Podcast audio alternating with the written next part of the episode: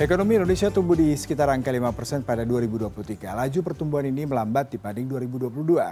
BPS menyebut salah satu penyebabnya adalah tingkat belanja konsumsi dari kalangan kelas menengah atas menurun yang artinya orang-orang kaya menahan untuk berbelanja.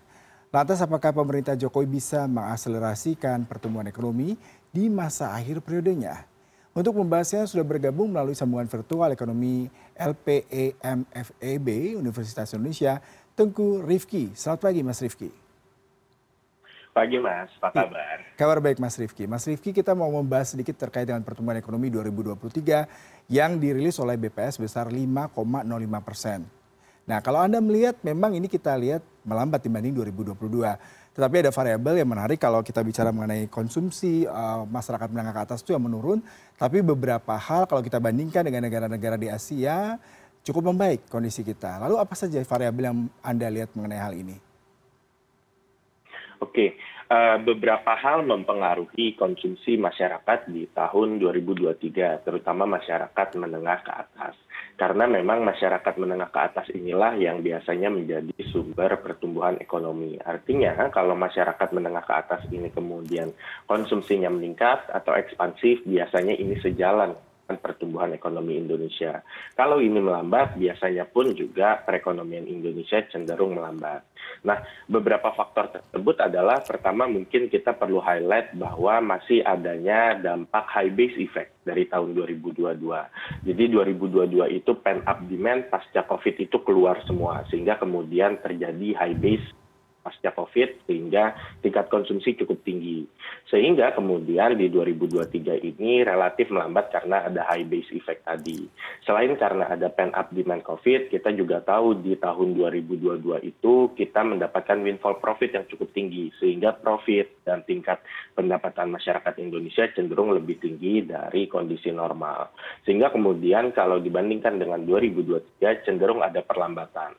Nah, faktor lainnya di luar kedua faktor uh, tadi yang berpengaruh juga adalah bahwa di 2023 ini memang kita melihat banyak sekali tekanan baik dari sisi domestik maupun dari sisi global. Pertama dari sisi global adalah tentu adanya perlambatan ekonomi global didorong oleh uh, China yang melambat. Sehingga kemudian China kalau kita lihat sebagai partner dagang utama kita dari sisi ekspor dan impor yang melambat kemudian juga mempengaruhi pendapatan masyarakat Indonesia. Ini pun juga kemudian uh, mempengaruhi lebih lanjut perlambatan konsumsi masyarakat di Indonesia. Uh, lalu yang berikutnya juga yang perlu diperhatikan perhatikan adalah bahwa di tahun 2023 ini tekanan inflasi masih terus berlanjut. Apalagi kalau kita lihat ada fenomena El Nino tahun 2023. Ini to some extent juga kemudian mempengaruhi daya beli masyarakat.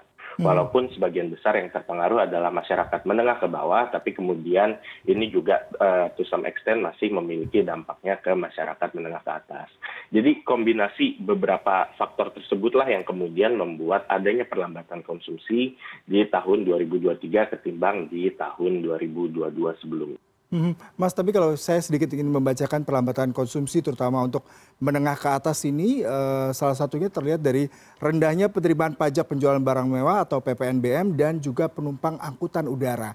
Mengapa dua variabel ini salah satu yang menjadi sebuah indikator menurunnya angka belanja menengah ke atas, kemudian juga menyebabkan peralihan mereka lebih memilih untuk berinvestasi seperti itu, Mas Rifki?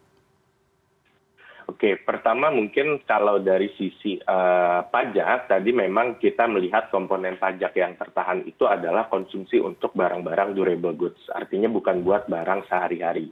Tadi juga sudah disebutkan terkait dengan uh, pajak barang mewah misalnya, itu merupakan durable goods. Kenapa kemudian masyarakat menahan konsumsi durable goods-nya? Ini karena memang kondisi perekonomian cenderung tinggi uncertainty-nya selama tahun 2023. Jadi kemudian masyarakat lebih memilih untuk akumulasi saving dan melakukan uh, investasi yang lebih uh, safe ketimbang melakukan konsumsi di tahun 2023. Tadi sempat saya sebutkan bahwa di level global pun juga kondisi cenderung tidak menentu. Di domestik pun kita juga uh, cenderung mendekati pemilu sehingga kemudian ketidakpastian ini semakin tinggi.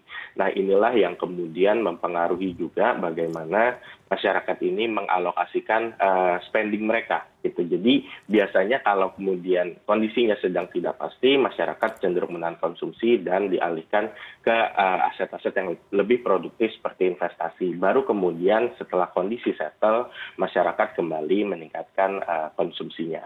Hmm. Kalau kita bicara sedikit mengenai sektor apa saja yang memberikan sumbangsi ini ada saya bacakan sektor lapangan usaha, sektor konstruksi yang tumbuh 7,68 persen. Di dua ini merupakan yang memberikan kontribusi cukup besar terhadap uh, pertumbuhan ekonomi 2023. Lalu bagaimana Anda melihat ini di tahun 2024 terutama di awal tahun di mana tahun ini merupakan tahun pemilu juga, kondisi global tadi masih berpengaruh terkait dengan Tiongkok dan regional sepertinya juga masih memberikan uh, kontraksi terkait dengan kondisi ekonomi regional. Bagaimana Anda melihat ini, Mas? Oke, mungkin tadi saya sedikit lupa mengadres terkait dengan isu transportasi ya. Jadi transportasi udara ini memang kita melihat uh, ada sedikit perlambatan dibanding tahun 2022. Ini juga salah satunya dipengaruhi oleh high base effect tadi. Hmm. High base effect yang terjadi di 2022 sudah sangat tinggi, kemudian melambat di 2023. Tapi kalau kita lihat secara sektoral, ini di tahun 2023 memang sektor yang tumbuh paling cepat itu adalah transportasi dan pergudangan.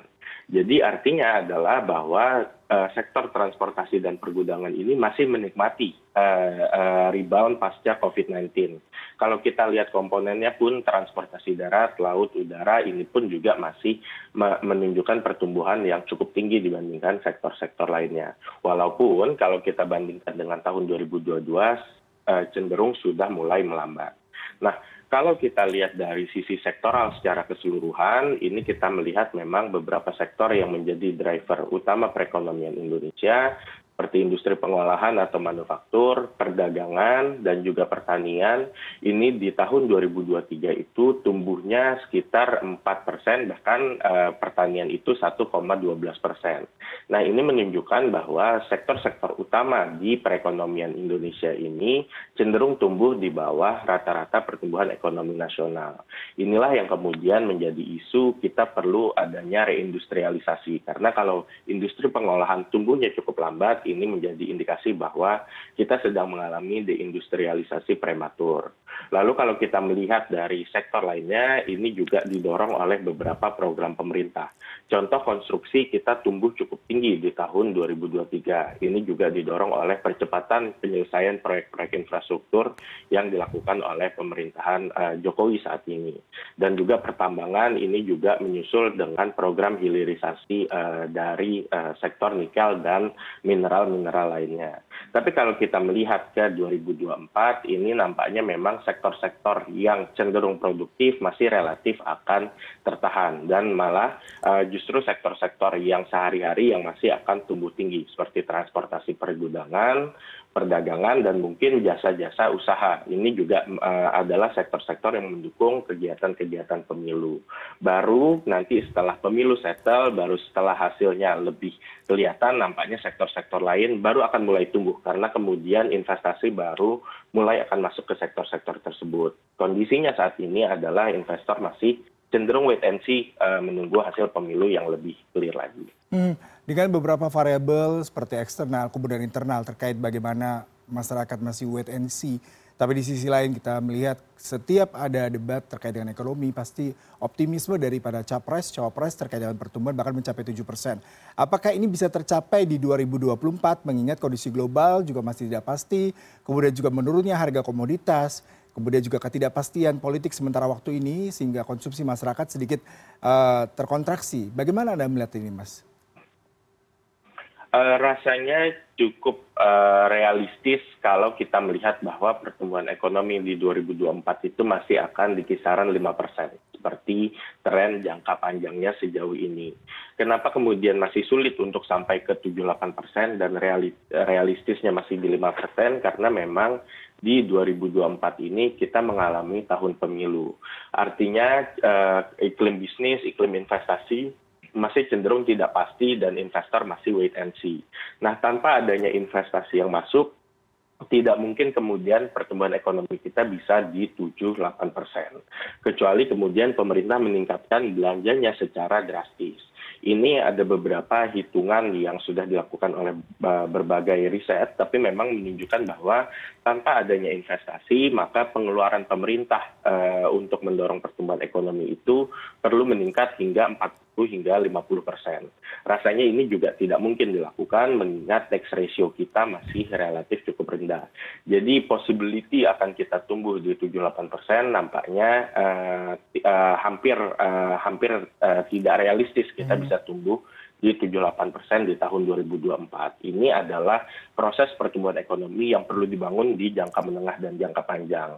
Kenapa demikian? Karena kita butuh investasi, kita butuh mendorong sektor-sektor pertumbuhan ekonomi baru yang menjadi engine of growth, dan ini tidak dilakukan dalam periode setahun.